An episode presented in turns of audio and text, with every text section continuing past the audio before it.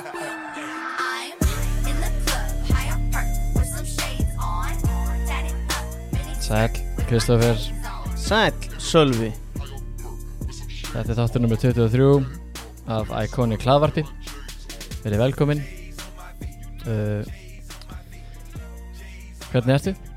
Ótrúlega góður Feskur, nýkomin úr uh, golfi Spilaði ekkert eðla vel Já, Bara nú ertu að ljúga alltaf, allar kúlur bara beint að pinna Ertu að rýbranda þig? Já Ég er að rýpa randa mig sem Tiger Woods Þetta að halda framjó Ég ætla að halda framhjá og spila golf og vera ríkur Og vera lamin með golfkilfu Var hann lamið með gólkilu? Já, eftir hún komst upp um Þetta rað framhjáhald Var hann lamið með gólkilu? Af konunni sinni, já Það held ég Ég held að ég sé ekki að fara með rangt mál. Gólkilu eru mikið notaði sem vopn Já Já, bara ég held að Mjög þetta sé- oft það sem heyrir svona þessi þetta, reyðst að þennan með gólkilu er- þetta er líka bara mjög sufficient vopn Náttúrulega Craig Bellamy Já, Hann uh, landi Jordan Arne Riese með golfkilfu Það var Veistu af hverju það var? Nei. Það er út að Riese vildi ekki koma með honum í karaoke Þannig að þú skalt passa þig vinnur Þú veist hvað ég er passionate með karaoke og núna ertu byrjar í gólfi, þannig að Já Nú skalt þú fara að valega kallið minn Þetta er frýtt fest og fræðandi hlaðvarp Já Þáttur nr. 23 e, Já Hvernig varst þú þegar þú varst 23 ára? Uh, bara ósköp svipaður og núna sko. ég er náttúrulega er bara 24 ára núna þannig að- Bara svipaður, þannig að það hefur bara ekki flottur já, ég er bara á fínum stað í lífinu myndi ég segja en þú, Jú, jú, bara svipaður stað sko Ég var svona aðeins heimskari já, þú er búin að læra mikið þú ert Eh, náttúrulega að verða 26 ára sko. Já 23 er ekki ekki að tala Þú veist, þetta er Beckham náttúrulega, nummer 1 það er nummer eitt fyrir mér sko. en það er MJ Jordan og, og lægi sér hlustum á lagið sem við hlustum á, síðan er náttúrulega kvikmyndin The Number 23 Já, með Jim Carrey já, þá Já. saman Jim Carrey í svolítið öðru ljósi Já, og leðaleg já, ég hef ekki séð hana sko Nei, En bara, ég man að þetta var svona einhver, einhver sálfræði trillir og Jim Carrey maður þekkti hann bara sem Dumb and Dumber og já, Ace já, Ventura sko. já Ég man að það var skrítið að sjá það Já. Herri, þetta er eh, Iconic 2010 Já. Sko uh, 2010s já, væri gott ef við ættum heima á Englandi já þetta er en við erum heima á Íslandi iconic annar áratugur 21. aldar Mm, þú veist, það er, líka, það er verra það er umulett, það er svo langt já, en það er íslenska heitið yfir þessu, ég veit ekki já, það er rétt sko, hjá þeir sko en ég ekki segja bara Iconic 2010 Jú. og uh, þetta var góður áratugur, myndi ég að segja mm. við fengum okkar fyrstu hugmynd um að vera með podcast á þessum áratug já, ég prófaði margt í fyrsta skiptið þessum áratug Ég líka Og uh, ég fór mikið í borgarbjó Á þessum Á þessum áratug já, ég hugsa að ég fær í borgarbíó svona 300 sinum Já, ég held að það sé alveg Alveg hann Akkurat hjá þér Já. Mjög gott Og uh, þú vissir ekki þá Hvað borgarbjó myndi Skipa stóran sess í lífið þínu Setna mér En það er borgarbjó fyrsti sponsorinn okkar já, æðislega sponsor allir tilbúðin eða? Já. það er aftur pressaður út einn í seti Einnig sætti, ég gerði vel síðast Gerir mjög vel Já. Þetta er bíómyndakvissið Já. Og Guðrun Kartars senda um við spurningu Já, frábært Hún vill fá að vita Úr hvaða mynd er þetta hérna kvót You talking to me You talking to me Já Það er svo vant fyrir hlustunum þegar fá ekki að sjá þig leika líka Þú þú gerir látbræði mjög vel Já. Þetta er að sjálfsögðu Robert De Niro í kvikmyndinni Taxi Driver Nei, það er að drukna fluga í vatninu mínu Új maður Herri, Það er, þetta er svona leiðileg þáttir Hún er að drekka sér hún drekti sér Hún var svo óan að ég skildi ná þessari spurningu rétt Er þetta ekki rétt um mér? Taxi Þetta Driver er hárétt Já. Og Ég veit, veist, ég er vann með þig sko. Ég er, van, van, ég er búin að vann með þig Og gesti núna, þrjó þættir röð Já, þetta er að eina sem ég veit samt um þessa þessa mynd sko, ég hef ekki séð hana Shit, ok En þetta er fræg lína Þú nærði ekki næsta spurningu Ok, Næsta spurningu eru erfið ok, ég til Eftir í það viku En uh, já, Borgabjó uh, Tjekki á Instagram Tvifreit Alla sunnundar líka Ef þið eru hlustindur Iconic Indislegt bíó Ég bara- Indislegt Besta bíó landsins Já Sko, Egilsöll og Laugarásbíó eiga ekki róð Nei. Borgabíó Það er rétt Það er bara þannig, enda sambíó var vitleysa sko Þannig að Hvaða fleiri sponsor eru við með, Kristofur? uh, við erum náttúrulega alltaf með strikið og, og bryggjuna Já. bestu veitingastæði landsins Já. Birtarún og Hepa Já. það er maðgur Já. drottningarnar og prinsessan í veitingabransanum uh, strikið náttúrulega með bara besta besta díl sögunar um helgar Buns of Bruns og besta nafn pældi í þú veist, þetta var búið að marka setja sig hérna í Reykjavík sem bottomless brunch Já, ég, það hljómar heimskalega það hljómaði svo ótrúlega heimskulega og síðan bara, hei, buns af bruns Já. bara eins mikið af bruns og þú vilt fyrir uh, ekkert svo mikið pening Já. Ég Ég man sá ekki- að Ingo Átna var á Brönns á sundaginn já, kúlbett kongur Já Kúlbætt kongurinn á Brönns að svip á strikinu já. síðan er það svo næst líka að þú veist, ef þú fer á laugati eða eitthvað svoleiðis, langur dagar framöndan geta fengið drikki með skilur bara eina mimosu eða blotti Já. meri eða eitthvað þannig að þú veist, þetta er geitastæður og bryggjan með framúðstöfnilegustu pitsur sem ég hef smakkað Aha, Er það að augra, er það að augra svona lögumólum pizza heimsins? Já, með, ég fekk hann, með andalæra kjöti, ógislega gott Nice. Þú veist, þú fær það ekkert hvar sem er Nei, mitt Svo erum við þetta með uh, kaffið á King bækinu Já. Kaffið er mm, svona eins og Wikipedia ég hef mikið upplýsingum með þar nema það er bara miklu skemmtir að lesa Já. þú getur lært jafn mikið á kaffi.is og wikipedia.com tjekkja því uh, það er frábæð síðan og hlustið á endilega á Iconic inn á kaffinu Kaffi. Já, það er alltaf öðruvísi það er bara glæni, glæni Þú veist, ég, pró Upplifun, sko. já, ég prófaði það og ég heyrði bara eitthvað svona þú veist, sem ég misti af þegar ég er að tala við þig Já, þekktir ekki sjálf það það var bara ótrúlegt Þú Mælum veist við þig. miklu einhvern veginn svona miklu flottar einhvern veginn Já, það Já, Já, það er gott að hera Tjekkið á því Herru, 2010 Hvernig heldur þú að við munum muna Eftir þessum áratugi Eða hvernig nei, hvernig heldur þú að sagan Muni muna já, eftir þessum áratugi sagan Áratug Sko, ég ætla að byrja á að svara spurningunum sem þú spurðir óvart fyrst Náttúrulega þessi áratugur er náttúrulega iconic fyrir okkur tvo sérstaklega út af því þetta eru, þú veist, árin sem að við byrjum í mentaskóla og urðum fullotnir ungir menn, sko þannig að ég held að þetta sé alltaf klálega ár sem að ég mun muna eftir bara sem frábær, frábær ár Mm. útskrifast úr grunnskóla og fyrir mentaskóla og allt það, sko en sagan, já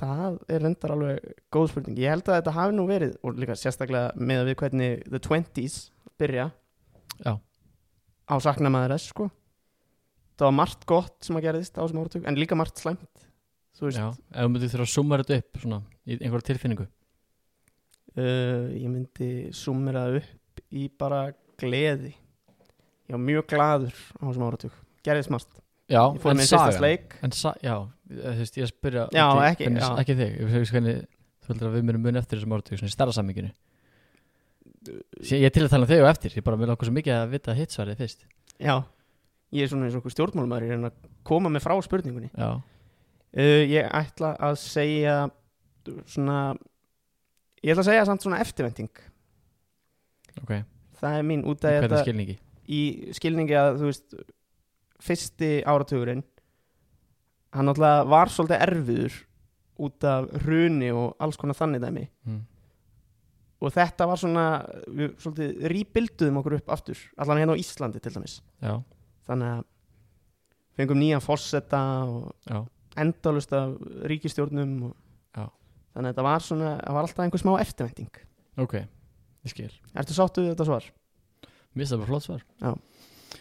Og þessi 2010 áratugur náttúrulega mótast mér mikið af fyrsta áratugur Já, algjörlega Þú veist, við erum með hérna Kárunaukavirkjun sem við vorum, við erum aðeins of við erum aðeins of gamlis Já, til að muna því en það var sko bara fl- landið skiptið til tvent það er þannig fólk var sko að deila um bara náttúruvend vaffes einhvers konar kapitalisma skilur, ef ef við einföldum þetta vel niður og síðan nokkrum árum síðar kemur húnni ég vissi þetta ekki að væri sko, ég vissi ekki að ég myndi ekki fyrir en ég skoða það, þú veist, það var, voru massíf mótmæli fyrir karunökuvirkina sko.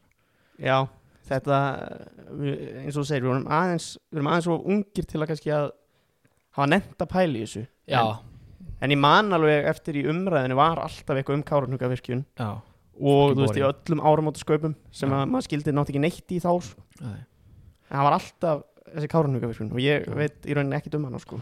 Nei, ég sá að þú veist, hérna fjallkonan, þú veist, okkar tákn um, þú veist, íslenskar náttúru og bara svona einhver, einhvern veginn svona holdgerðingur íslenskar íslenskar sko tilfinningar bara, þú veist, hvað það er að vera íslendingur er fjallkonan, myndi ég segja og hún var Mhm. klætt upp í álpapir við, þú veist, sem mótmæli Já, í það- álverinu Já, svo kemur hann að auðvitað hraunið og, en þú veist, eftir það einhvern veginn finnst mér þú veist, þessi útrásvíkingar koma, en það er líka ég heyrði, ég heyrði Berga betala það, hann var að tala um það sko útrásvíkingarnir voru að kera út mannís, sem voru við líka að kera út tónlist og þú veist, list, menningu Ísland sko kom sér á kortið þarna sko svona 2010 og ennþá núna þú veist, líka meira 2010-2020 Monsters and Men Kaljó, Sigurós já. Björk er svona, kemur hans fyrir en er samt hann á þessu, á þessu svipuðu leveri sko. Magni Rockstar já, þú veist Ísland verður svona aðeins meira mainstream, við vorum bara eitthvað svona lítil eiga sem að einn og einn frægur maður, eða þú veist, kýktinga til í eitthvað sumafrí En Já. síðan svona eftir 2000 og, eftir hrun kannski bara þá verður því svona smá hipster land sem allir veit um, að vilja allir fara til Íslands sem maður fer kannski bara inn á Instagram eða Reddit eða eitthvað og sér bara ljósmynd af Íslandi, já. eitthvað, The Northern Lights over Iceland og það er bara með því 100.000 likes skilur við erum búin að koma okkar hans á kortið finnst mér, minnst það verður svolítið engennandi fyrir 2010 til Já, 2020 þetta er orðið, svona, það er orðið eftirsóknuvert að, að kíkingað sko, já, sem er næs og eftir eftir hrun, uff, til hljóma eins og bara þáttur að rása eitt eða eitthvað mm. eftir hrun þá missu við smá svona trúsand líka á bara allir kerfinu skilur grundvallar svona, já, svona stóðirnar skal ég meina það var allt í, það var allt í volið hennar sko og allir Já. að harka eða Já. þú veist ekki allir en Mar margir margir sko og við svona sköpum heimsmyndinu okkar núna, eða allir í heiminum þetta er ekki bara Ísland, en við sköpum hana meira út frá svona alls konar miðlum, heldur en kannski bara einum, þú veist, ekki bara rúf Nei, fyrir 2010 var það með eiginlega bara mestmyndis rúf sem að tristi bara skilur og horfði bara á uh, hitt var bara eitthvað svona aðstæðingar kannski já, Þú veist, og Stöðu því að- 2 hefur alltaf verið meira svona skemmti, skemmti efni finnst mér já, í sammála því sko og rúfi meira svona konkrít bara það sem að, þú veist, svona er þetta Já, en þegar maður horfir að sjöfréttina núna þá er þetta bara einhver upprýðunaði sem þú ert búin að lesa í símaninu um daginn, Já, skilur Það Já. var ekki þannig, þú Nei. bara fegst fréttina klukkan sjöp og vissi bara, wow, þetta var að gerast En dag er þetta bara upprýðunaði okkur sem þú ert búin að sjá já, nákvæmlega Þannig að, já, það er náttúrulega búið að breytast og náttúrulega, þú veist, það sem enginni klálega 2010 til 2019 er og það mun gera það líka 2020 til 2030 og gerði það líka 2000 til 2010 er, þú veist, hversu hratt allt svona þróast öll svona, öll tækni og, og þannig, skilur Hvernig heldur þetta verið til dæmis út af núna fáum við bara alla frétti beint í að þú getur bara farið inn á vísi og þetta er komið, skilur eða rúf eða MBL þú veist, hversu, hversu hratt viltu fá fréttinar hversu munum þetta fara hraðar heldur Ég held bara, nei, ég held ekki sé ekki hægt, sko Nei. Af því að það, það situr enginn á fréttum í dag Það er bara, þú, he- sem blaðamaður held ég að það sé þannig, þú heyrir eitthvað skrifar að gefur það út Þú veist, þú varst átt svona að býða með fréttir og þú veist, vandaði og tók kannski, tók kannski viku í að skrifa einhverja frétt Já, en síðan eru líka aðra svona reisafréttir sem er unnið af rannsóknarbladamönnum þú veist, lengi Mhm. vel Já, þær Það- eru svo hressandi Við talaðum um það, það er svo hressandi að fá svona djúpar frettir líka Já, það, þú veist, eins og Panamaskjölun og allt það skilur, það tók marga mánuði í vinslu Já, það er svona eins og heimilsmatur en hina frettinar eru bara eins og að fara á söpvi, skilur Já, þetta er bara svona hratt og fljótlegt og beint í æð en síðan kannski ferðu og ferðu, þú veist kjötsúpa í ömmuðinni það er panamaskjölin, fattur eitthvað svona Já. vanda sem næri þið vel og þú vilt þú veist, tyggja og njóta já, já, og bara, vá, hvað ég er fegin að þetta var gert svona já, þú ert ekki bara borða til að vera sattur og on to the next one sko. Nei, En við erum svo, þetta er svona fast food og fast news eða svolítið margt sem er rétt fyrir mér mér finnst það ágætis, ágætis pæling og svona stóri miðlar í dag og þess á þessum áratug voru svolítið að fokka í svona líðuræðinu fannst mér líka þess fólk byrja að mynda sér skoðanir út frá einmitt svona stóru miðlum Já Það er mjög auðvelt að gera það Þú veist, þú heyrir bara frétt eða lest frétt se- það sem einhver segir eitthvað já, og þá ertu bara með aðra hliðina og myndar eru skoðin út frá því já og þú getur alltaf fundið einhvern á netinu sem er sammálaðir Já, það er alltaf hægt Já. og þá heldur við það þína, þitt fyrsta innsæði kannski já, einmitt bara raukstu þess sem þú þetta datt fyrst í hug með einhver byrli og veist, línuleg dagskrátó líka á þessum áratug Já. tónlistamenn hætti að selja geisladiska og kvikmyndir hætti að koma út á D.O.D.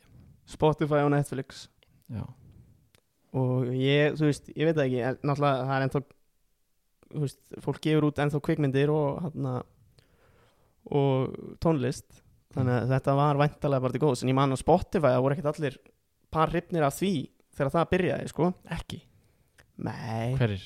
Voru á þú móti? veist, ég held að Taylor Swift hafi tekið allt sitt draslan út og Jay-Z Já, líka Listamenn, Já. ég skil Já, Já, ég er að meina það já Já, en hlað þú fara ekki fara ógstleiti pening fyrir þetta Já, en síðan hefur fólk líka sagt að peningurinn er í tónleikahaldi Já, frekar en í geisladiskum og þetta er bara, þú veist, það var bara gjörsamlega degi út, sko, mhm, hvað sem er það var allir byrjar að downloada þessu bara já algjörlega YouTube to MP3 bara eitthvað svoleiðis, skilur við þannig að betra að hafa þetta kannski bara inn á Spotify og fólk er tilbúið að borga líka fyrir það Já, en þú veist, tónlistamennir fá listamennir fá lítið að því, sko Já, þeir fá Það er meira, þeir fá meira heldur en í, í gegnum download Já, já, en þú veist ekki að mikið verið, kannski skilið, myndi einhverju segja það er hægt að færa rauk fyrir því síðan fannst mér líka eins og þeirra votið þú veist, video, Já. on, video on demand mhm, varð svona, skilur betra og aðgengilegra Já.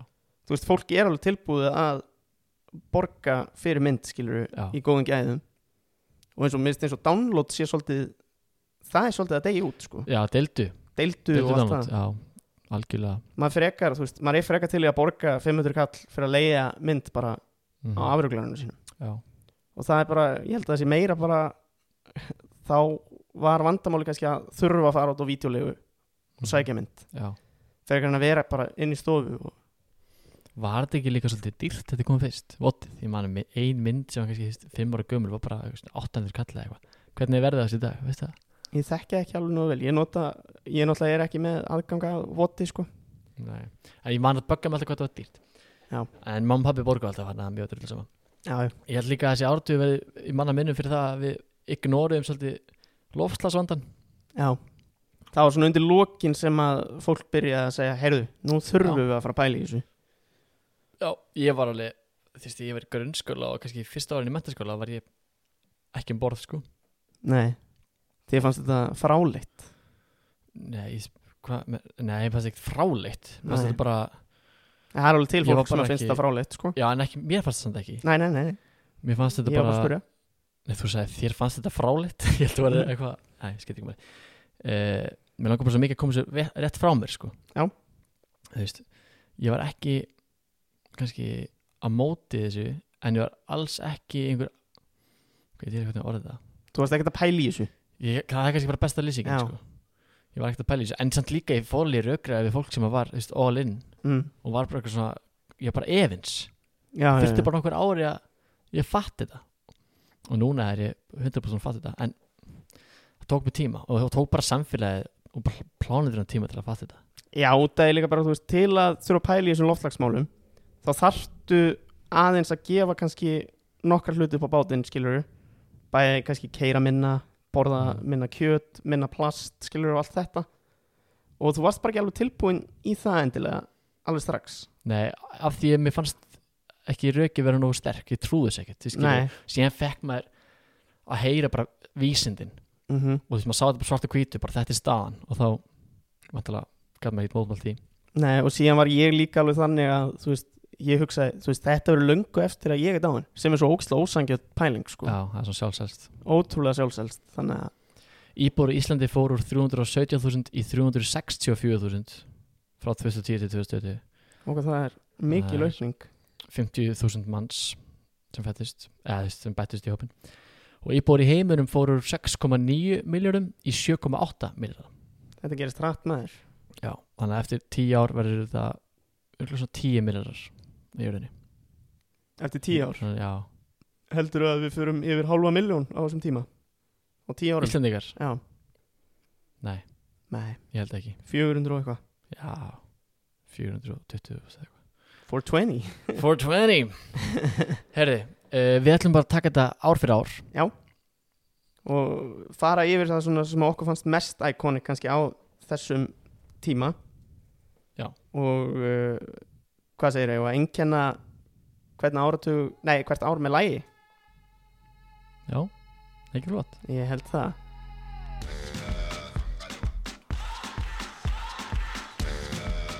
Þetta er 2010 Þetta er sturdlað lag til að einkenna á Þetta er að sjálfsögðu Waka Waka sem var HM-lagið 2010 Manst þú eftir HM 2010? Já, mjög vel Já Það var smá boring HM Já, Vúfu Sela háa mitt Já Það var náttúrulega óþólandi Hvað er svona, hvað er efst í minnum við þetta HM? Efst í minnum er fyrsta marki, bara 8. marki hjá Shabala Salah eða eitthvað Þannig að Suður Afriku leikmann smelt honum upp í skeiðin Á móti hverjum, manstu það? Uff, það var einhver sem ég boring leikur Nei, ég man það ekki Var það Mexiko?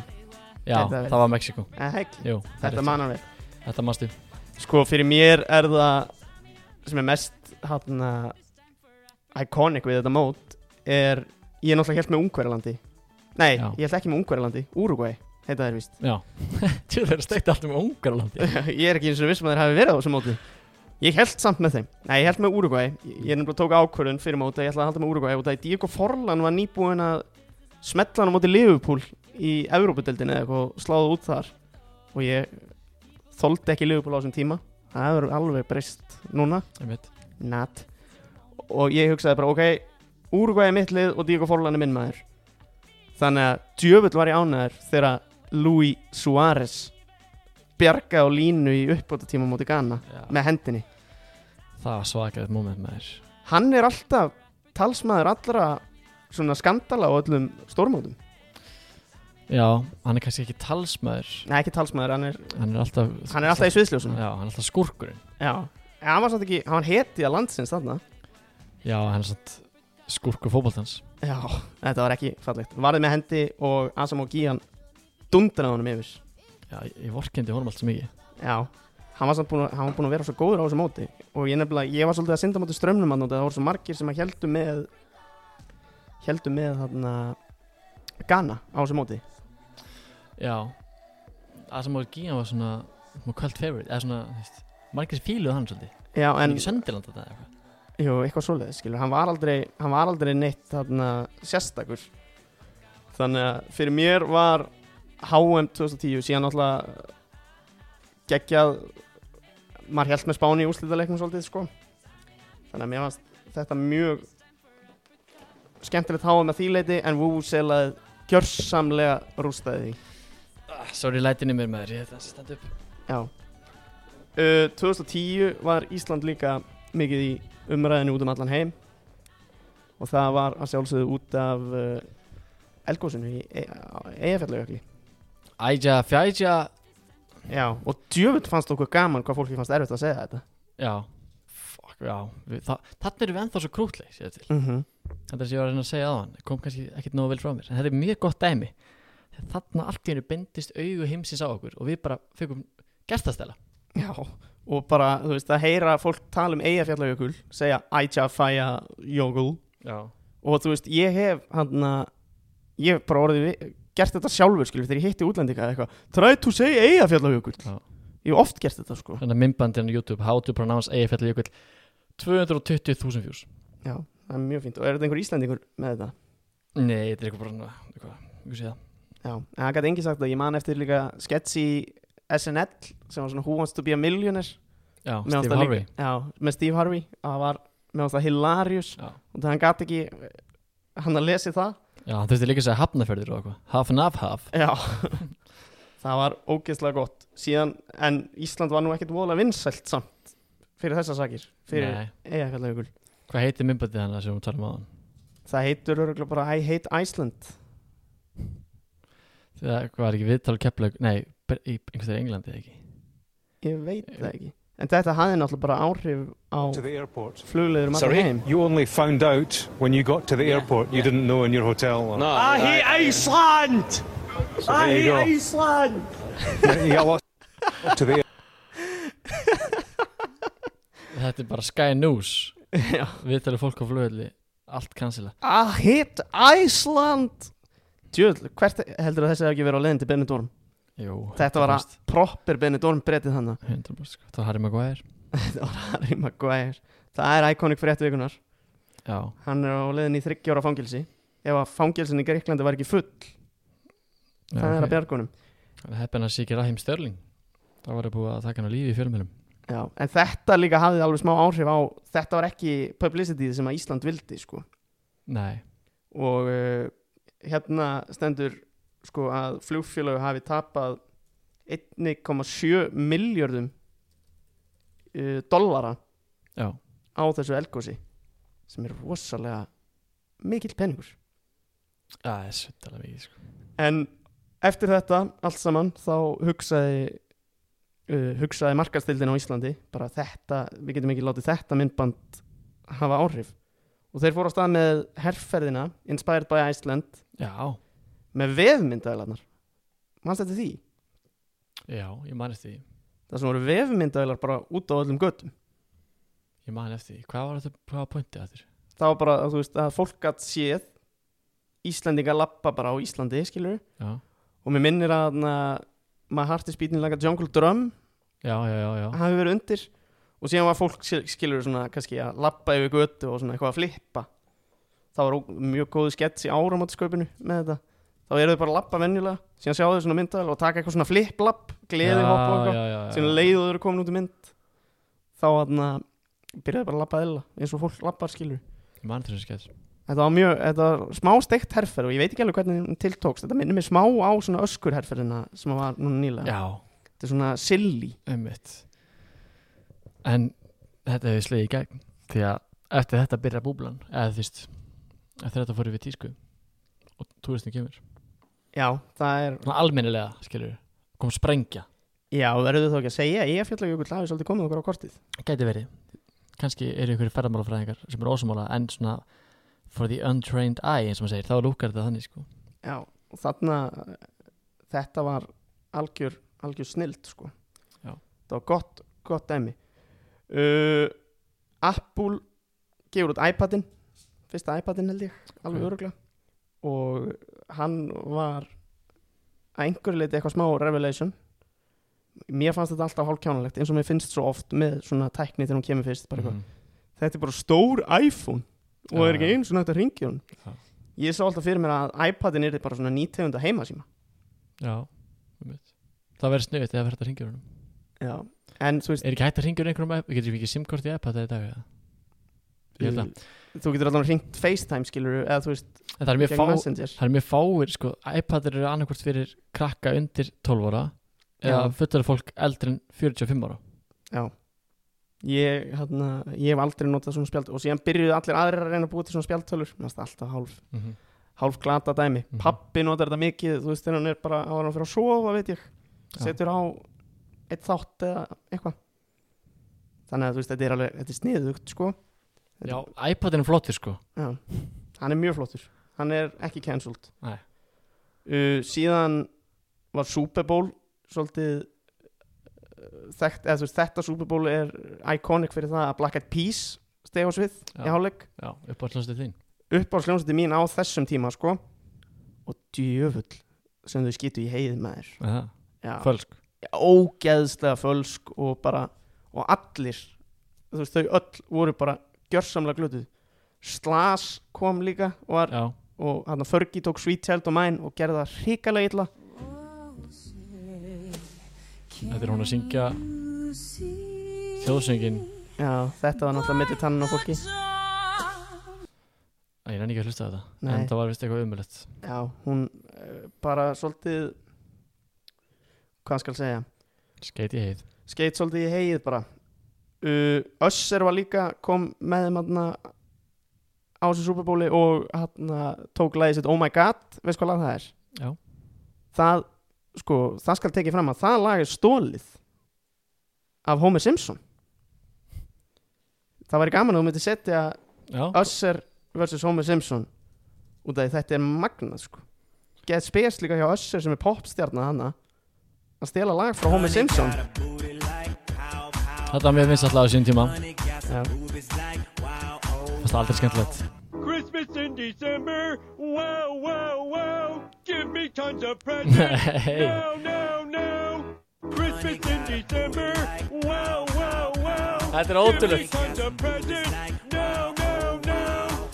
Ég stend með Homer Simpson Já, þetta ár Síðan kemur uppbólsmyndi þín út 2010 The Other Guys já Það er uppáðsmynd mín Eh, Allan top 10 Frábærmynd 2010 og þú gafst henni 10 í engun Já, það er rétt Inception kemur líka út þetta ár sem er mín uppbólsmynd Já, gott, gott ár Fínt ár Mjög gott ár uh, Þarna fer ég í framhalskóla Já. Þú veist ég, og ég fór í minn fyrsta sleik samvæstíðum fór í sex þetta kvöld Einmitt Sleikur og sex Ég fyrir þess Þú varst ekkert eðlilega horni í þessum aldri Nei, tjók Herri, uh, 2011 Fyrir snögglega yfir það Já. Páll Arason deyr Ánarna reyðisættunni liðmið sinn Já, við höfum séð hann Við höfum séð hann Hann er skrítinn Hann er í svona formalinkrukku Já Hann Þetta er- er krumpaður Og til þess að ná öllum limnum Fólk átt að sig ekki á þessu Ég er alltaf að tala um þetta Það er alltaf að samfara fólk um þetta Þú þarf að skera svolítið inn sko Þú veist, Limurinn kallkins kynfærið Er út, út af við En það er líka svolítið inn í Inn á já. við Þeir sem eru með lim þekki þetta Já, já, Það er til þess að ná öllu dóðinu Þetta skafa vel Takk rótina vel upp já, já Og þú ert að ná punktnum líka, sko Ná punktum líka Og, og limurinn á Páli Já, Hann er vel tekin upp með rótum sko já í formalarkrukkan, þetta er svolítið steikt uh, ok, uh, Bin Laden drefin Það var 2011 Já. Uh, Var það ekki Aron Ramsey að kenna? jú, Eða þakka, það fer eftir hvernig þú það lítur var honum að þakka eftir tí, að, sko, tíu ára eldingarleikus hann var flott að tíu ára eftir 9-11 Já. hann hefði verið fýtt körbaldumæður sko, hann var 1.95 á hæð pældi því, Ha? já, Var- 1.95 Var hann svona hávaksinn? hann var reisastór, Ég hef alltaf sé, séðan fyrir mér lítinn nei, hann var bara reisi sko, Damn og þú veist, hvað, já 9-11 alltaf, veist, tökum það ekki sér setna það sett að stað alveg svona það hafi líka áhrif á 2010-2020 sko Já, þú veist, eh, stríð og svoleiðis en Obama þurfti að sína fæðing, hennar fæðingar skiptinu sitt árið 2011 Og var það svona snemma? Ég held að það hef alltaf verið í kringum fórsetakostningarnar það var vegna þess að eh, sko, Donald Trump var að byggja um það þarna, þarna byrja svolítið svona Er fræin sett þarna? þarna er fræðin sett hjá Trumparunum sko. Ok, og hann fór ekki einu sinni í frambóð árið eftir Nei, Það var fimm árum senna byrja ákveðin dans þarna sko. og hann syndi fæðingarskiptinu sitt og kom í ljós bara hann var frá Hawaii Já. eins og hann var búin að segja Obama, nei, Barack Hussein Obama já, Það líka fannst fólki hrikalegt já. Hann héti Hussein eins og Saddam Já Það er náttúrulega ekki Það er, það er svolítið slemt sko Já, það er óþægilegt Þetta er- Þetta er, þetta er óhefni, ætla ég að segja Þetta er svolítið eins og Guðinni myndi heita Guðinni Breivík TH sko Úf, það var hrikalegt um, Talandi um það Andrés Breivík Já, það var hrikalegt Gerist þarna 2011 til bara 80 manns Magn- Magnus Úrlinga uh, Steve Jobs deyr Já, Michael Jackson uh, deyr ekki þarna En læknirinn hans Conrad Murray er dæmdi fyrir manndróp á gáleysi já, það eða ég veit ekki hvort það sé að gáleysi en þú veist var manslaughter Já, það var mans, involuntary manslaughter Ég það, kann ekki lögfræði lingoðið sko Sláturinn Hann slátraði Jackson Eftir, Involuntary, er það ekki bara gáleins eða? Nei, ég veit það ekki mm. en, hann, sést, hann var ráðinn, læknirinn að Michael Jackson var ráðinn í mæ 2009 já. og Jackson deyr í júni 2009 Á, Ah, hann var ekki að sinna, sinna sínu starfi Það kom í ljós að hann hefði gefið hann óströnd skamt af Provopol sem er eitthvað leif sem að var ástæði fyrir fyrir döða Michael Jackson Þannig að Jackson, já, hann dó vegna ofstórs skam Já, sem að lækninni gaf honum Já, og þessi gauðir fór í hóngils held ég úff Það er þannig uh, 2011 var gott ár en 2012 var betra að Ah, miklu betra I threw a wish in the well. Don't Maður ask me, sjá. I'll never tell. I looked to you as it fell. 2012 var náttúrulega fyrst og fremst gott ár fyrir góða tónlist Það, Já, við erum að tala um þessa neglu já, Call Me Maybe með Carly Rae Jepsen og uh, Gangnam Style með Sæ Já. og fyrir mér eru þetta er ekki Random Access Memories líka? 2012 jú, hún er 2013 mm.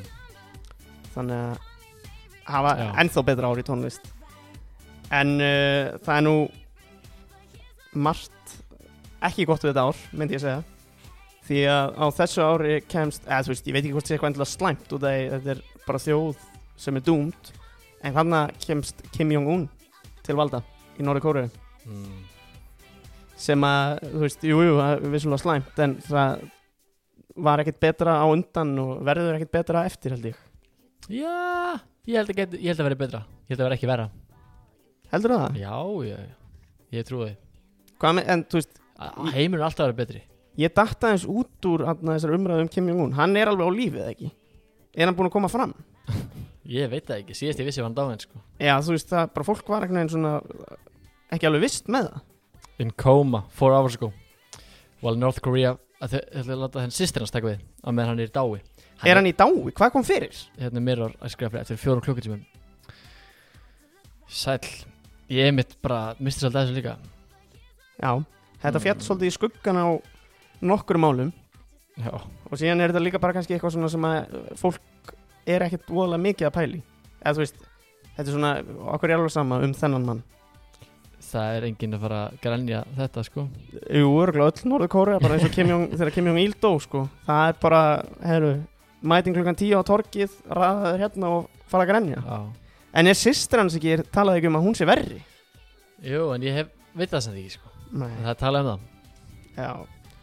Þannig að þetta var uh, já, þetta var vissulega bara svona eða þú veist, þetta breytti ekkert miklu Nei. í Norður Kórea. Norður Kórea fekk bara nýjan lítir Já. sem að var bara uh, alveg jafn slæmur og faðir hans. Uh, Sammála.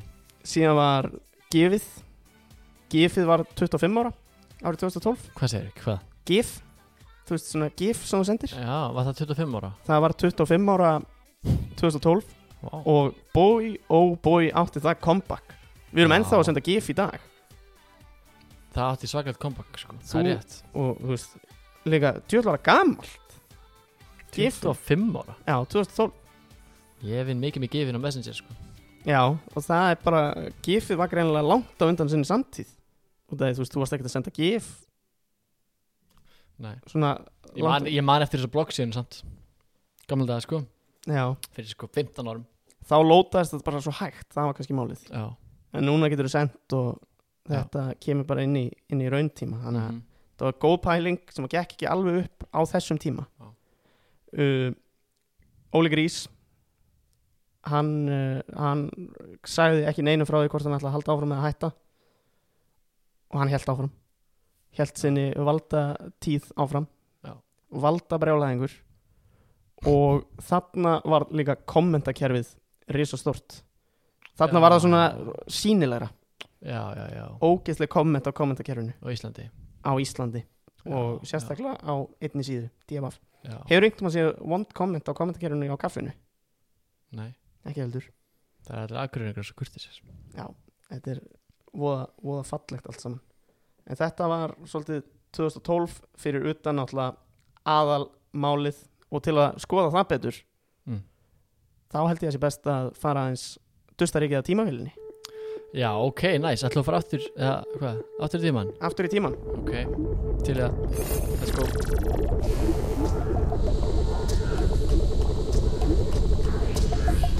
Þá hefur tímavélinn tekið okkur aftur til dagsins 21. desember árið 2012 Þrátt fyrir að nú eru einungis þrýr dagar til jóla er fólk ekki fyllt eftirvæntingu og gleði heldur angist og ofsaræðslu Enda trúðu margir að nú væri dómstagurinn runnin upp. Dagurinn þar sem að heimurinn myndi enda. En af hverju í fjandan? Getur þú sagt með það? Akkur held fólk það? Já, eða þú veist að Þetta var eitthvað bara þetta King Majonum sem voru ljósvara myndir sinni samtíð Já. uh, Byggur til dagatal sem að var bara búið Já, þarna í ára 2012 en það var sem svolítið miskið sko. já, já, þú veist, þetta er í fyrsta lagi. Mæjar, þetta var örgulega mjög þróið þjóð með við sína samtíð. Þetta er sko Já. fyrir 4000 árum. Já, sem að hana, mæjarnir eru uppi og hana, þeir búa til þetta tímatal sem er flóknasta tímatal sem ég nokkun tími, tíman var vitni að Mhm. og samkvæmt því þá átti, eða sérst þá endaði endaði það 21. desember 2012 Já. og fólk tók því náttúrulega bara sem heilum samleik Já. en ég, fyrir yeah. ég er náttúrulega farið í Títsja Nýtsa já, sem að maðinni byggur til og þetta er stórkostlegt sko. þeir voru ekkert aðlega á aðeir nei, kvikmyndina Pogga Lipto, hún gerist þannig þar eða ekki ekki séðan Nei, hún er fín Held að það gerist þannig á mæjónum Þar eru samt bara að höggva hausinn af fólki og eitthvað rugl sko uh, Og okkur eitt svona, Eldorado gerist hún þar? Já. Já, ég hef ekki séð hana En pizzan og Dominos Eldorado er góð Mm. Ég Þeir get sagt ekki það sé Eldorado Nei. Teiknumyndina Þannig að þú Ég verði getur spurt, meður um að fara í vasan hana- þú getur spurt mig um hana í næsta Já, bíómyndakvissi ég gera það. En sko, mér finnst þetta samt svo heimst Akkur er fullorið fólk Mm. að hræðast eitthvað sem að, þú veist, jú, jú, vissulega þróuð þjóð með við sína samtíð, en samt vanþróuð þjóð skrifaði fyrir 4000 árum Mm. Já Ertu að spyrja mig, á ég komið svar ég, mér finnst þetta bara svo skrítið þú veist, þú ert fullorðin akkur ertu hrættur akkur hlustar ekki á vísindamennina akkur ertu að Já. hlusta á einhverja mæja sem eru uppi fyrir fjögust árum Ég held bara að fólk stjórnist svo lítið af einhverju rauksemt Það stjórnist bara tilfinningum, já. mest megnis en já, þeir hlusta á þetta en akkur hlustuður þá ekki á fornlegafræðingana og sagfræðingana sem að voru síðan að reyna að útskýra það að það sem að mæjarnir voru að meina var ekki að heiminum myndi enda heldur að þetta væri eitthvað svona nýtt upphaf Þetta vor, var þetta bara afbaka í fjölmiðlum skilur við. já, Og eins og ég tala um aður hérna í stúdíónu að þá virkar þetta þannig samkvæmt Jonathan Haidt professor að við erum alltaf fyrst með fyrirfram ákveðna skoðun sem við kallum innsæði já, sem við rauk síðan- rökstyðum síðan setna meir Já. með upplýsingum út í heimurum þannig að að það er- kallast líka confirmation bias Þess, þú finnur eitthvað í heimurum sem að ítur undir þitt innsæ skilur, og þarna ertu bara með eitthvað svona, þess, það er ógstlega þekkt í okkur að trúa heimsendi á heimsenda, já, veist, ragnarök eða rapsjur eða flóðið örkina snó allt, þetta þetta er ógstlega svona innbyggt í okkur já við gerum bara ráð fyrir því að þetta muni enda einhver tíma Já, þú veist bara og þetta svona- mun náttúrulega enda einhvern tímann góð, til endalasta góðsögnum um endalok heimsins mm -hmm. og það er eitthvað í eitthvað sem vill trúa þeim og það er, þú þarft ekki meira en það þú þarft bara að hafa eitthvað í þeir sem að vill trúa þeim og svo þarft einhverjum fréttir sem að íta undir þá skoðun og þá heldur þetta er í raun og veru einfalt en ég veit það ekki víst. ég er nefnilega var, hvað, átjónana þarna Já. og ég spáði líði þessu en ég var aldrei hrættur um að þetta myndi gerast ég svona var svona, mér finnst þetta áhugavert við sko ég meina Já, að, þú svaraði einni spurningu sem ég átti eftir að koma með Hafið þér einhverjar áhyggjur af þessu?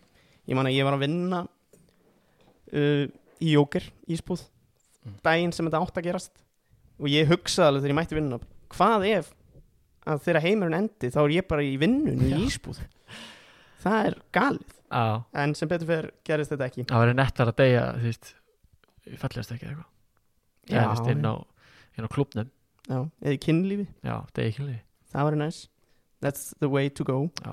uh, Síðan er ég líka með pælingu Hvað mann vonska er það Hjá Hollywood Að gera bíómynd um þetta Sem að heiti bara 2012 Þegar það eru svona margir ógisla hrættir já.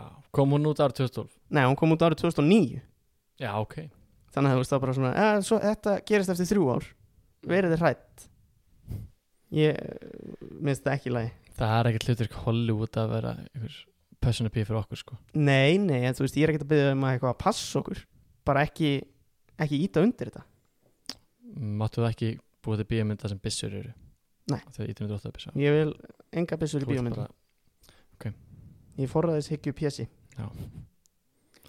Já, þetta er satt stórmerkilegt og þetta, ég þekki þetta sem mæjan datir ekki nógu vel en, Nei, þetta er allt of flókið fyrir mig til að skilja sko Þetta er rosa flókið sko en ég, ég held samt að þessi tveir miskinningar, þú veist, þú talar um ára þeir hérna þeir spáðu heimsendi, eða nei, datir hætti tv- 21. desember, þú sagði það á hann ekki Ég, Það er það sem fólk hjælt Já, en síðan hef ég líka lesið að það sé gluggi sko að þegar að, veist, að þess, veist, frá árunum 1990 til 2040 eða eitthvað er jörðin og það er heldur búið að sanna það akkurat á einhvern sporbögg þar sem fyrir við gegnum svona lofstinabelti mm.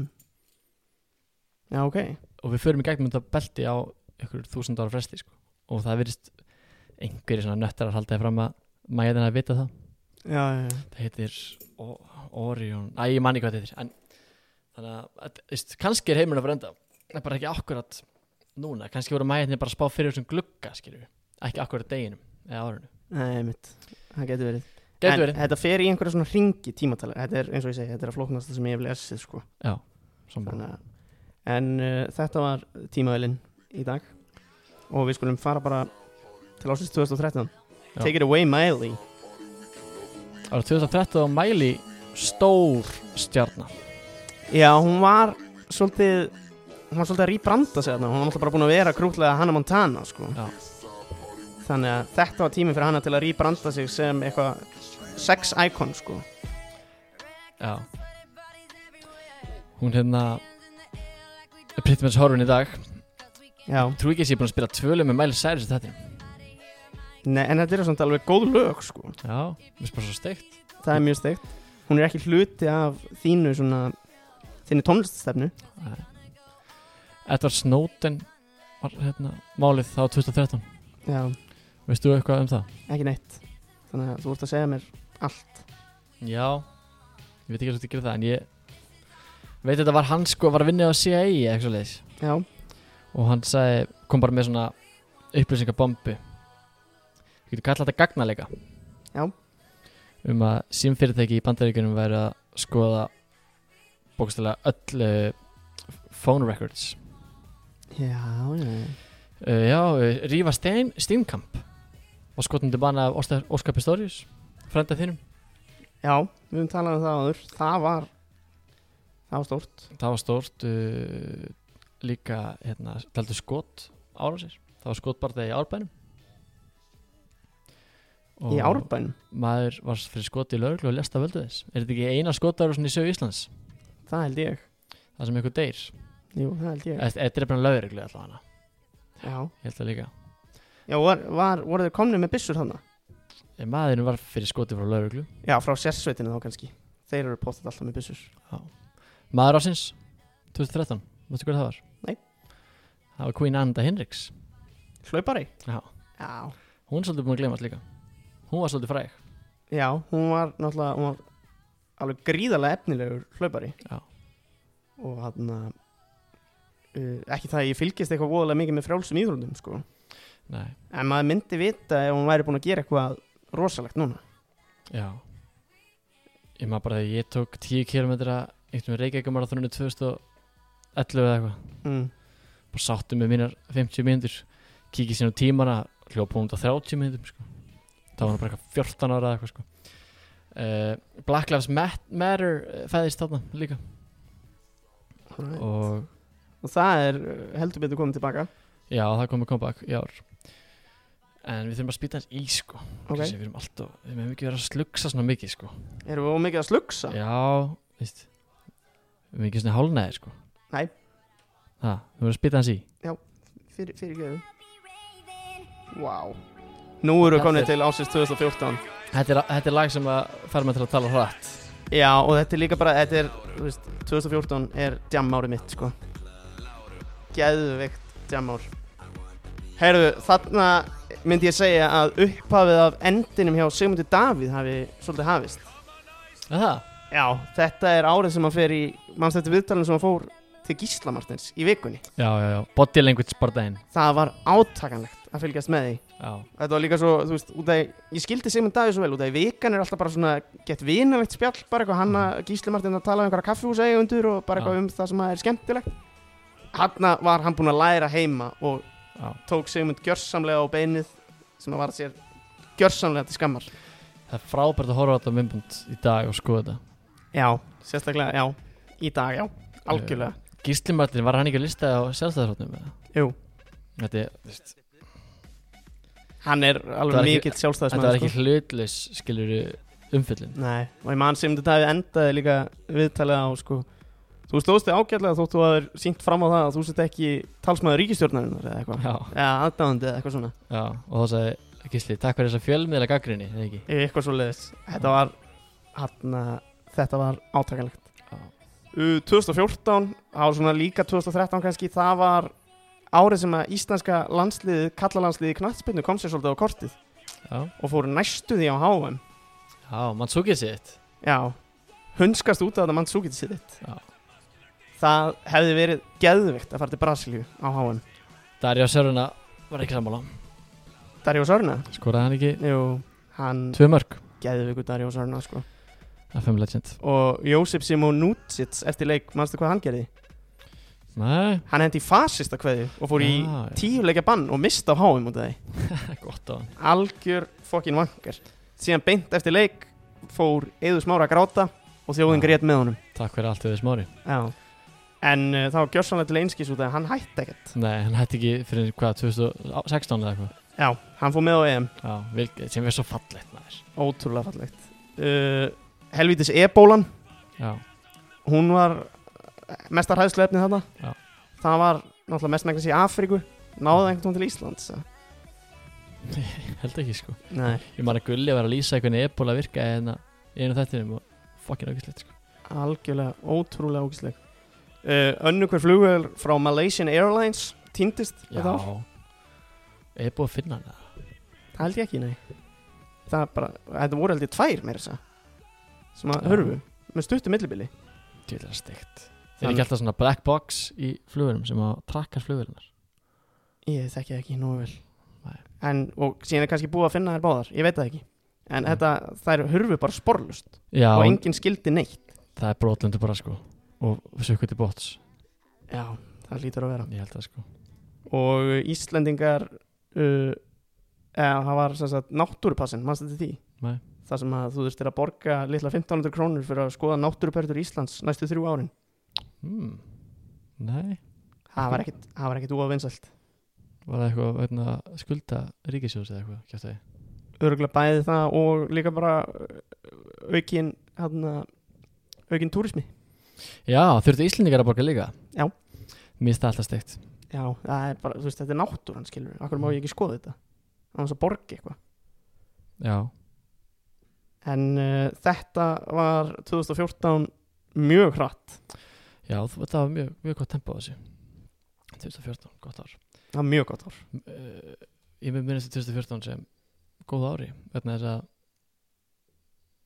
þá var ég 20 ára og gætt loksins að fara í umbúðina Já, og þú hefur gert það nokkru sinnum eftir þetta um, já. Já. Ég ætla ekki að ljúga þjóðinni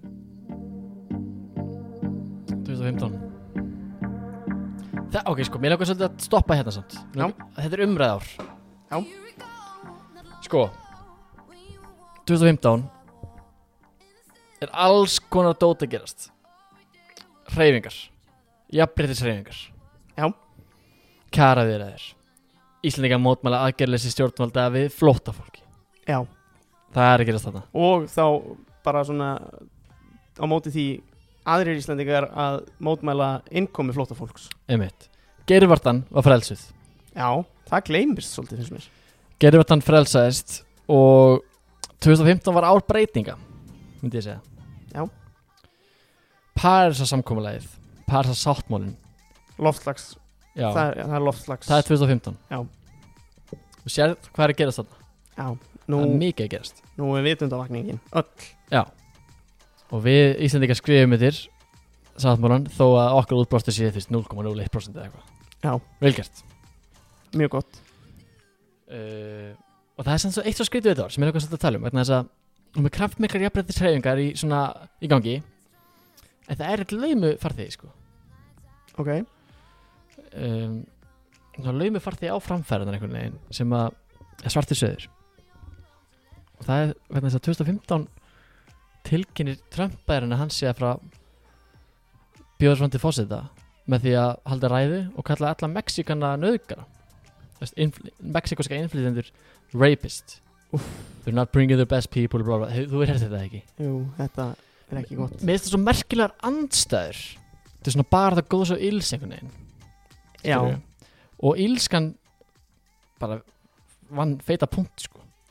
ég er risabúnt Risabúnt, en það vann maðurinn Veist, mér finnst svo steikt að það er alltaf eins og það er alltaf eins og þú þurfir svona einhver mót, þetta er svona tvö öfl alltaf að berja skilur Já, einhvern veginn og þá er alltaf með fólk sem að er með til dæmis innflytjum og á móti eins og þú segir og það er bara spurning veist, hvað vald kemur át on top mm ég skil bara ekki hvernig getur verið með svona mikið af þú veist, uh, jákvæðum hreyfingum það er eins og það verði öfgarn að verði meiri bára áttir er það að skilja hvað ég meina, þú veist ég skil hvað áttu við það er eins og því meira, fra, meiri framfæri sem við náum því svartari verða söðunir sem eru á móti þessu yktari, Já. öfgamenni báðar áttir skilju En meika það samt ekki alveg sens, skilur þú veist, þegar að eitthvað fær, þú veist, uh, segjum bara eins og að Trump býður sér fram sem fórseta, skilur þú, hrikalegt. Þá bara, þú veist, er svo miklu meiri þörf kannski á einhverju svona, einhverjum baráttumálum, þú veist, já, á móti, skilur til að, til að jafna mm umræðan aðeins út, þetta er bara eins og vega salt, sko. ok, já, þannig að þú heldur að og þú veist, fyrir Trump þá var það, þú veist, nú er öll þessi barátta fríðin uppúl og hann Parísasáttmálinn og allt Já. þetta eitthvað sem að hann trúir ekki á endilega já, já, já, þá segir hann, nei, nú þarf ég að koma og breyta þessu já, ég skil uh, jú, það getur verið en samt að við skoðum bara svona söguna Já. það eru alltaf að vera betur, betur, betur, betur sko já, já, þannig að öfgarnar verðast líka minka eins veist. einhver sem var jafn öfgafullur og Donald Trump er í dag fyrir þúsund árum hann vildi bara drepa hérna skilur já, nú, núna er þetta aðeins minna er þetta bara Veist, throw him over the wall, sko já, þú veist þannig að framferðnar er þetta í staðar en að ég þetta tekur bara svo langa tíma alltaf núna þú ert með þessi öll sem er að kljást já, Skilurðu. en það er kannski fínt því að þá á meðan rökræðnar og umræðnar er þessi stað þá slípast þetta já, og, þá getur maður að mynda sér skoðin betur já, og þá svona er ákvörðumtökunar réttari einhvern veginn, myndi ég halda en við erum bara að passa að umræðan, þú veist, haldist á lofti frekar en að keira af stað með eitthvað, þess vegna verðum við að hlusta á skoðanir annars fólks ok, nóg um þetta nóg um þetta Krissi, ég nenni ekki meira Nei.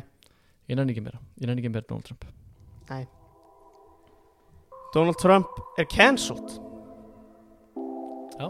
Herðu, við erum kominir þá til 2016 sem að ég ætla að henda fram að hafi verið frábært ár að mörgu leiti Þessi ungi drengur úr My Hometown Grafavur kemur mjög sterkur inn Manstu hvað þetta var stórt? Hann var svo ungur þegar hann gaf út þetta lag er hann ekki 98 eða 9 eða eitthvað Hann er 99 mótil held ég 17 17 ára aðna og þú veist þetta er náttúrulega líka árið sem að rappið er að, eða, þú veist, 2015, 16 eru árin sem að Íslands rapp er komið á eitthvað nýtt level Já, með Gísla Pálma gefur út plöðunni sinna 2014-15 já, Úlfur Úlfur, já, geður MC hvað Gauti og svona, já, netan orðin sterk sko já, mitt þannig að þú veist það var svona, já, þetta var svona upphafið af dominatinu hjá íslensku rappi á Mhm. Íslandi mm og það er ennþá í gangi Mhm. svona íslenskt R&B En eins og Egil Speil segir, er samt það að breytast úr í smá söng, sko já, en þetta er ennþá sama fólk samt Já, mörgu leyti. me- eh, mikið af samfólkinu, sko Já Bara tónlistina þróast og fólki gerir það bara Já, Nei. þú veist, hann, þetta- hann er ekki rappari, sko Nei, Líka. hann er í rauninni svolítið að byrja með þetta þarna sem að allir aðrir er að gera í dag Já, algjörlega, þess vegna var hann svona vinsæll Já, gerðu það vel uh, Við förum á EM, Ísland fyrir á EM Já, hafa gaman og Gummi Ben verður frægur Já, Hver á þinn uppbólsleikur á EM? England Já, ég samanlega Austuríki var enda frábær líka Já, það var svo mikið klæmaks Ótrúlegt sko Það það var svo indislegt þegar við skorum 94. myndi Já, en við vorum samt komnir áfram Já, það um skipti einhver máli samt. En við hefðum bara ekki mætt Englandi Nei. Sem að eftir á higgja var frábært Já.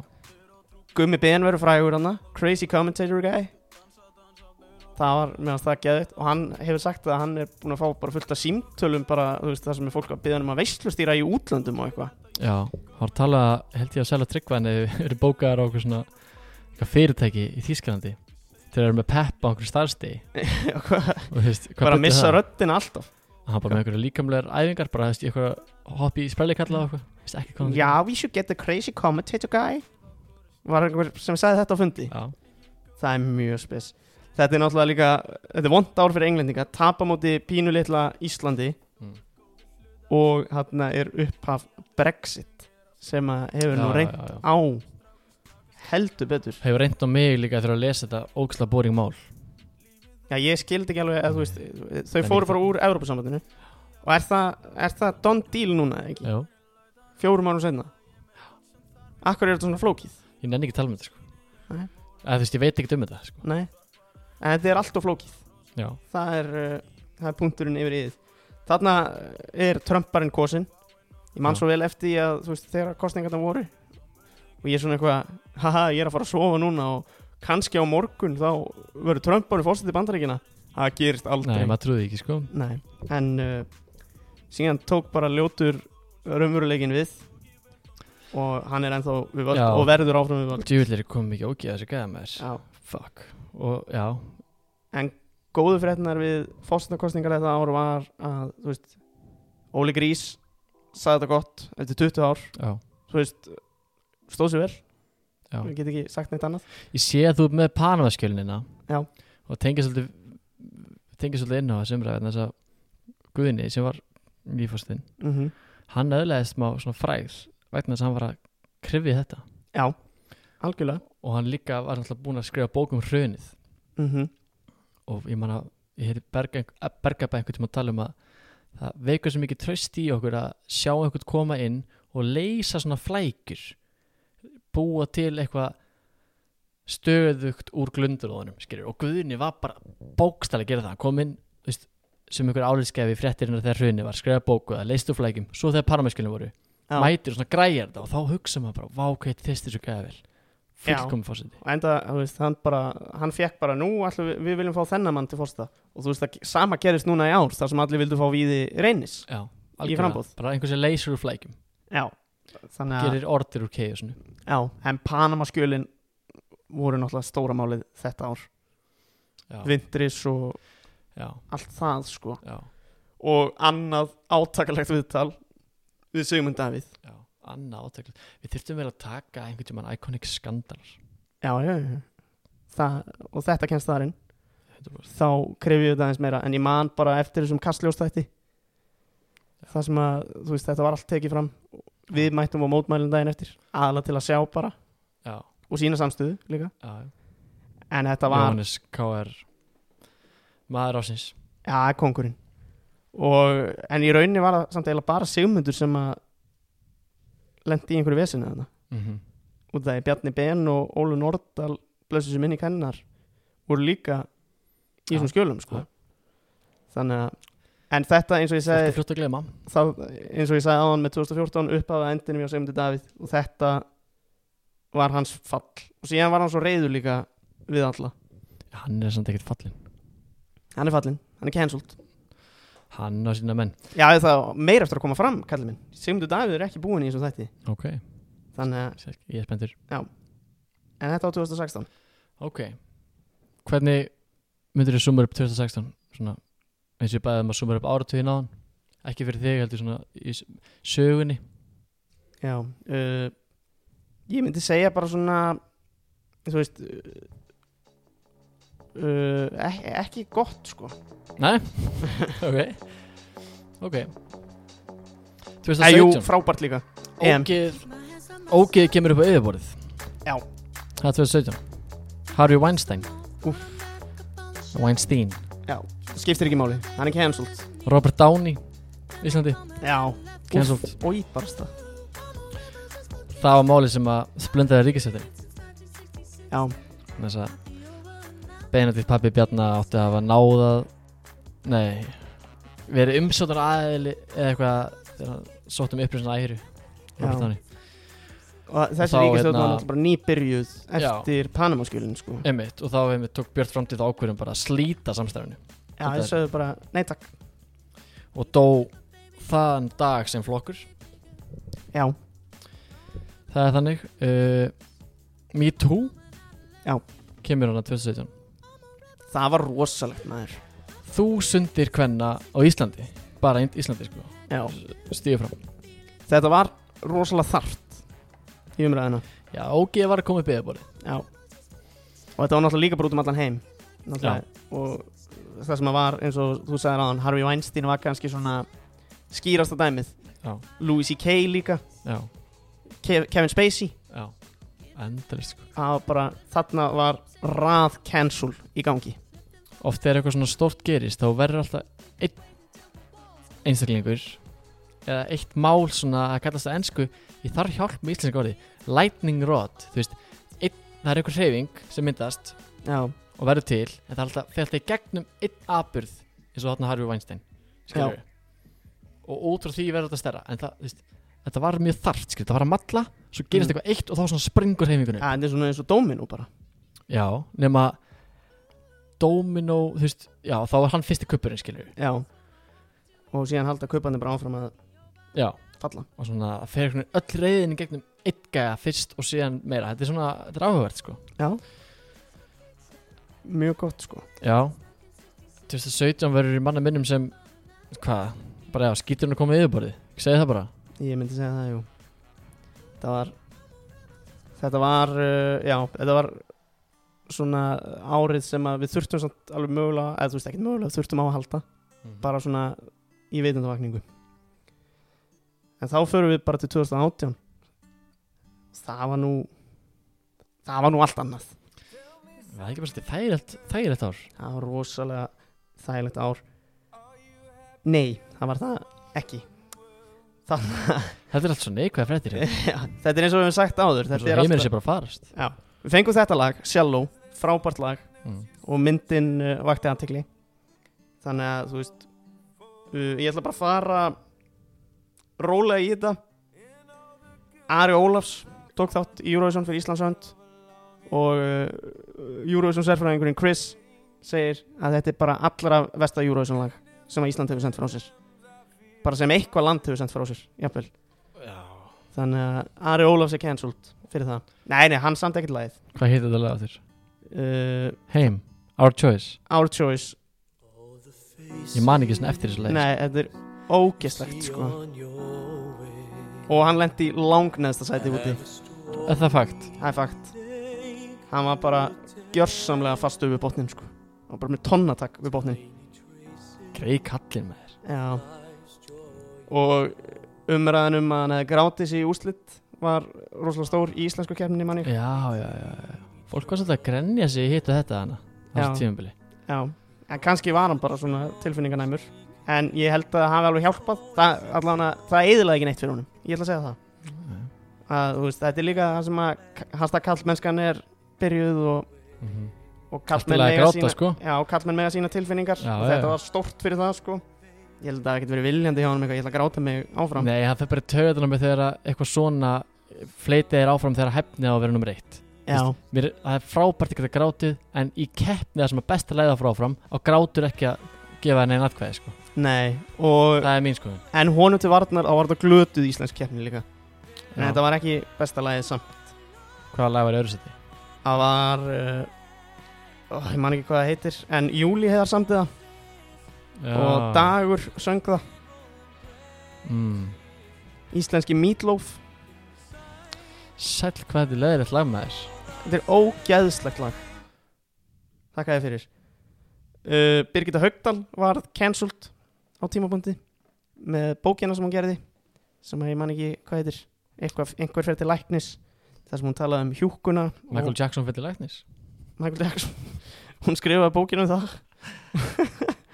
Nei, þetta var um einhverja litla stelpu sem fyrir til læknis þar sem að hjúkuruna konan uh, var klætt upp í kjól já, já, og, við tala um með það og gerði, gerði lítið sem ekki neitt var bara eins og einhver svona þjónustustúlka já, uh, og hún var bara cancelled fyrir það já þetta er náttúrulega eins og mikið búið að matla eins og við töluðum um aðan sko.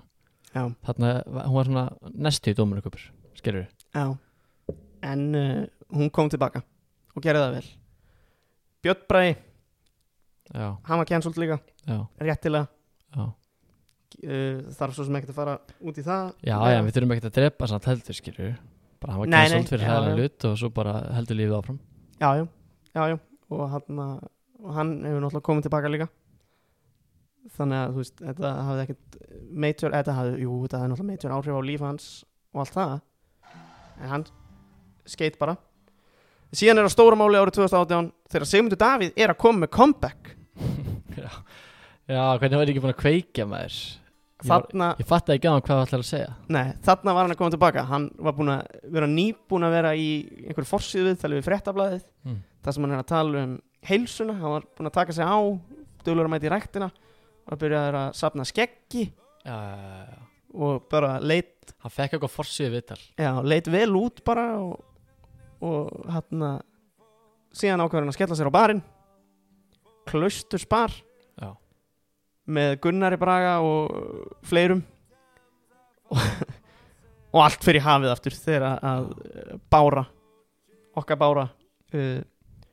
tók upp samtölun þeirra mér finnst svo skemmtilegt að velta þér fyrir mér Þú veist, ef þessi barið heiti eitthvað annað já, þess að klustisbarinn þessi klustur minnir maður svolítið á einhverja svona kristilega þöggun og barnaperra og glæpi gegn konum og eitthvað svona já, Þú veist, Þetta er svo ótrúlega viðeigandi já. að þessi umræði átt sér stað á klustur skilur, þetta er svona make a sense já og líka bara það er svo mikið pöns í þessu nafni á akkurat þessu máli, klustusmálið ef þetta væri B5 málið, það væri Nei, þessi út af hugsantingslunum við já, bara trúarlega glæpi sko, já, og mismunum já uh, þetta var ríkalegt hann að eða Hvernig kristilega, sorry, ekki trúlega ég fyrir ekki eitthvað sér hann að eh, Sigmundur Davíð var samt eiginlega næstu í manna skástur hann og það Gunnar Bræði var bara hann var bara peru ölvaður byrjar að öskra á þessum stað að hann væri brjálar og sagði líka frá því senda mér hann að það er bara farið í eitthvað 48 tíma blackout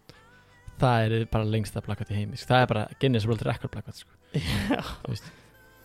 og líka hann var að nota það sem einhverja afsökun hann hafði bara verið í blackout í þannig bara svona hey hold your drinks mate já, líka bara ef þú gerir eitthvað já, ég veit ekki ha? og Já. síðan var einn mjög græður sem talaði um eitthvað hún er svo gugga sem að ég þurfti að tala lengst við á þess að hafa fengið að ríða já, já, alveg rétt ég man ekki, hann heitir shit, heitan Bergþór Ólafsson sá gæði getur verið sko. Já. Ég veit það ekki. bara eitthvað svona, hvað er að þér?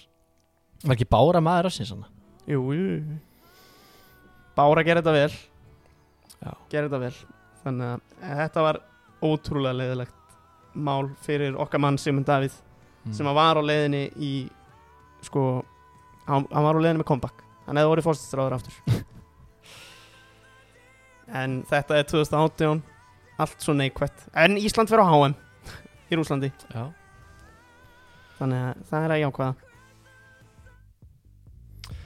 En síðan eru þetta komið að sko árið sem er nýbúið að líða Mér skrítið að tala um það, finnst mér já, Við getum, við séum bara, þurfum ekkert eitthvað að krefja það neitt En ég sá eitt skemmtilega móla Síðast skeitt sem ég mun tala um hennar mann í þættinum mm.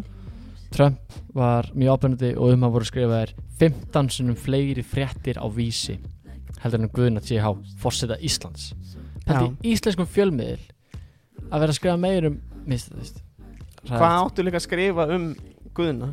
bara hann er geggjær Já, skrifið bara fréttir, jákvæða fréttir samherja máli kemur líka hérna undir lok ásins já, og var svolítið resurfacing again vá fyrir hausin já það var slæmt já, þekktur einhvern sem að átti í flug daginn sem að þau fóru á ég hausinn fannst svo steikt þegar þegar vá fyrir hausin og alla stelpina fór að setja myndir að sér á Instagram ég vá flugfri búningnum takk fyrir allt vá Nei, veist, þeim er skýt saman um þetta flugfélag sko. eða voru ekki eða voru að vinna að einhvern tímann skiljur já, ég skila vel að þú misti vinnuna já, Allt annað. En þú varst kannski að vinna þarna sumar 2016 þá var þér ekki svona andum þetta sko Þú veist bara að fá afsökun til að henda mynda þær inn í flugfröðgaralum sko Held ég, já, kallar ókonur já, ég veit það ekki Ég hef heyrt bara frábæra hluti um að Oh. hafa unnið hana Kissi Nei, ég hef bara að segja það sem ég hef heyrt Fólk sem elskaði að vinna hana Og ég, vá verður alltaf að hjarta mér sko Þegar Ef sprettur myndi fara á hausinn, myndir þú setja mynda þær í sprett Ból eða Nei, Þú það er elskar rétt. sprettin sko Ég elska sprettin, ég myndi ekki gera það Nei, Þetta er bara, þú veist, ef, að sp- ef sprettskallin væri flugfröðgali, það myndir þú gera það Þarna held ég Eða samt flugþjóngali Ég held að þetta sé alveg líka Ég held að þetta sé alveg rétt hjá þau sko En þarna Þarna er dominoeffekt líka held ég Þú veist, það var einhverjum sem að byrja á þessu Og þá held þetta áfram, mm. skilur Já, Og allir, allir það- áttu mynda sér í gallanum Við hérna. flugulina en þú þarf samt einhverja hreyfingu svo það gerist, það gerist ekki, þú ert ekki bara að herma Það er einhver, eitthvað mótif Og mótifið er, eins og ég er að segja, bara að þú vilt sína það í galunum Já, ég held að sé frekar að váfúr á hausinn Já, þú veist, það var það var svona ástæðan, eða afsökunin sem varstu bara að sína það á Instagram sko, Já, en en maður ekki alltaf hvað sem er að sína sig á Instagram Jú.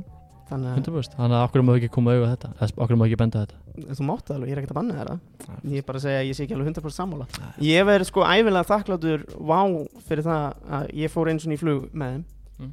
uh, Til kaupmannarnar Og uh, uh, Var eitthvað Ég hafði ekki borðað hann eitt daginn áður Og hann að Stóð upp Sérst í vélinu, leið bara gett illa Ætlaði að fara inn á klósett að guppa Stóð upp Og síðan bara mm, Hrundi ég í gólfið, leiði yfir mig Alveg rétt Og það, Hvað- það var í flugi, flugi frá VAR Var þetta bara játnskortur eða? Ég veit það ekki alveg ennþá Fækst einhver greiningu á þessu eða? Fekk enga greiningu sko Síðan bara vaknaði, ég veist, ég datt bara og Sorry maður, þetta, er- þú hlærið þessu líka, ég veit það þú Já, hlærð já, þessu- já, já Ég veit þess vegna er ég að hlæja sko, Já, ég þekki og, ég og sagan er ekki búin sko Nei, nei, nei, Og hann að ég dett út kannski í svona 5 sekundur Hefur einhvern veginn liðið yfir þig? aldrei, Nei, þú þú veist nokkar að því- prófa það samt Já, ég var eins og alltaf að gera þetta gamans Láta líðið mig Já, já, Og mann líður eins og maður sé detti út í alveg góða 10 mínútur sko já, Þegar þetta eru bara 5 sekundur Ógsla skrítið Og hann að þá kemur flugþjóðin að mér og gefur mér vatn Og er eitthvað svona bara að passa allt saman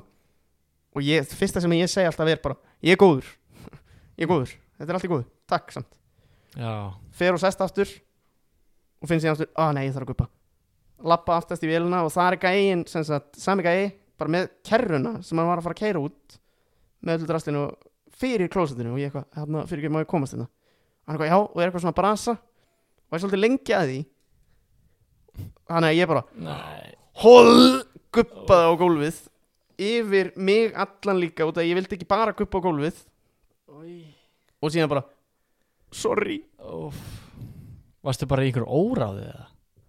Já, sko- Varstu steikt hegðun?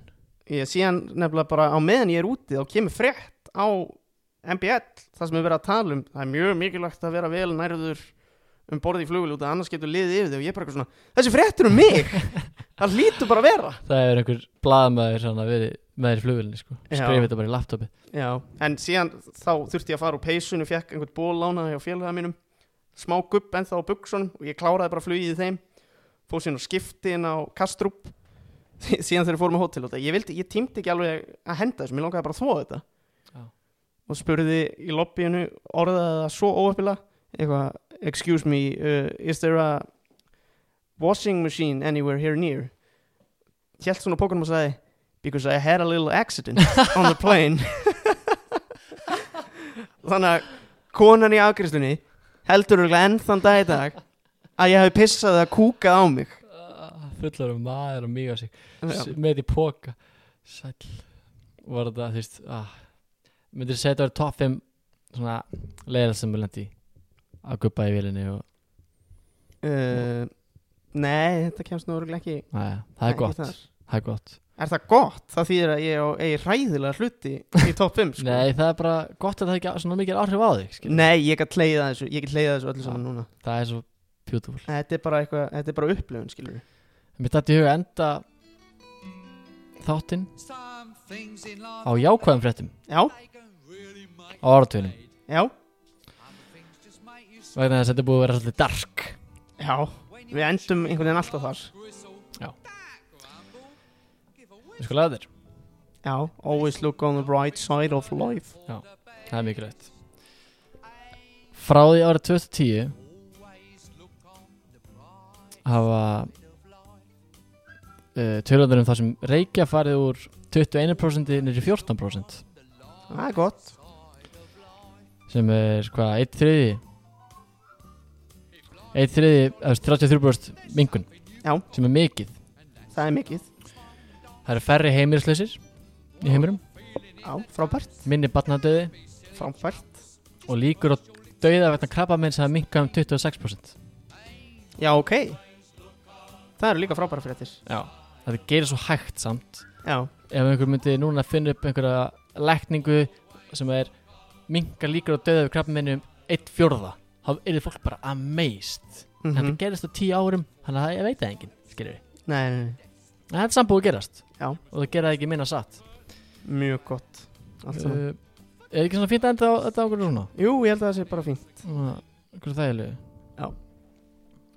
Ég held það bara Þetta var 2010 til 2020 Já. Kæru hlustendur Takk fyrir að nenn að hlusta á þetta Það var mikið að mólum Já, rosa mikið Mikið af upplýsingum En uh, vonandi tengdu þið við þessa hluti Já, við köfum ekkert saklega djúft En við syndu langt Já, Getum orðað það þannig Algjörlega um, Við ætlum að taka upp Bráðlega Ef hún henda okkur í Iconic Skandala Já, ég til það Nefn að markastöldin elda eitthvað annað Já, það er hérna Það er eitt þáttur á milli Þannig að okay. Þannig að Iconic Iconic- Skandala næst Iconic Skandalar á fimmtudaginn hljóma vel uh, við þökkum Borgabjó, Strykinu Bryggjunni, Kaffinu, ykkur nummer eitt, við þökkum alltaf spánsóðum en við erum samt okkur þykir mest vænt um ykkur, hlustendur Iconic Fanbase við Iconic Fanbase, Þið gerið þáttinn krakkar án ykkar væri við bara heima að tala, Já, en í stæðinu eru við að tala í mikrofón, já Og okkur finnst þú svo gaman svo er þetta líka svo gaman Já, herri, við segjum það, takk fyrir mig Kristofur, við heyrumst gerum það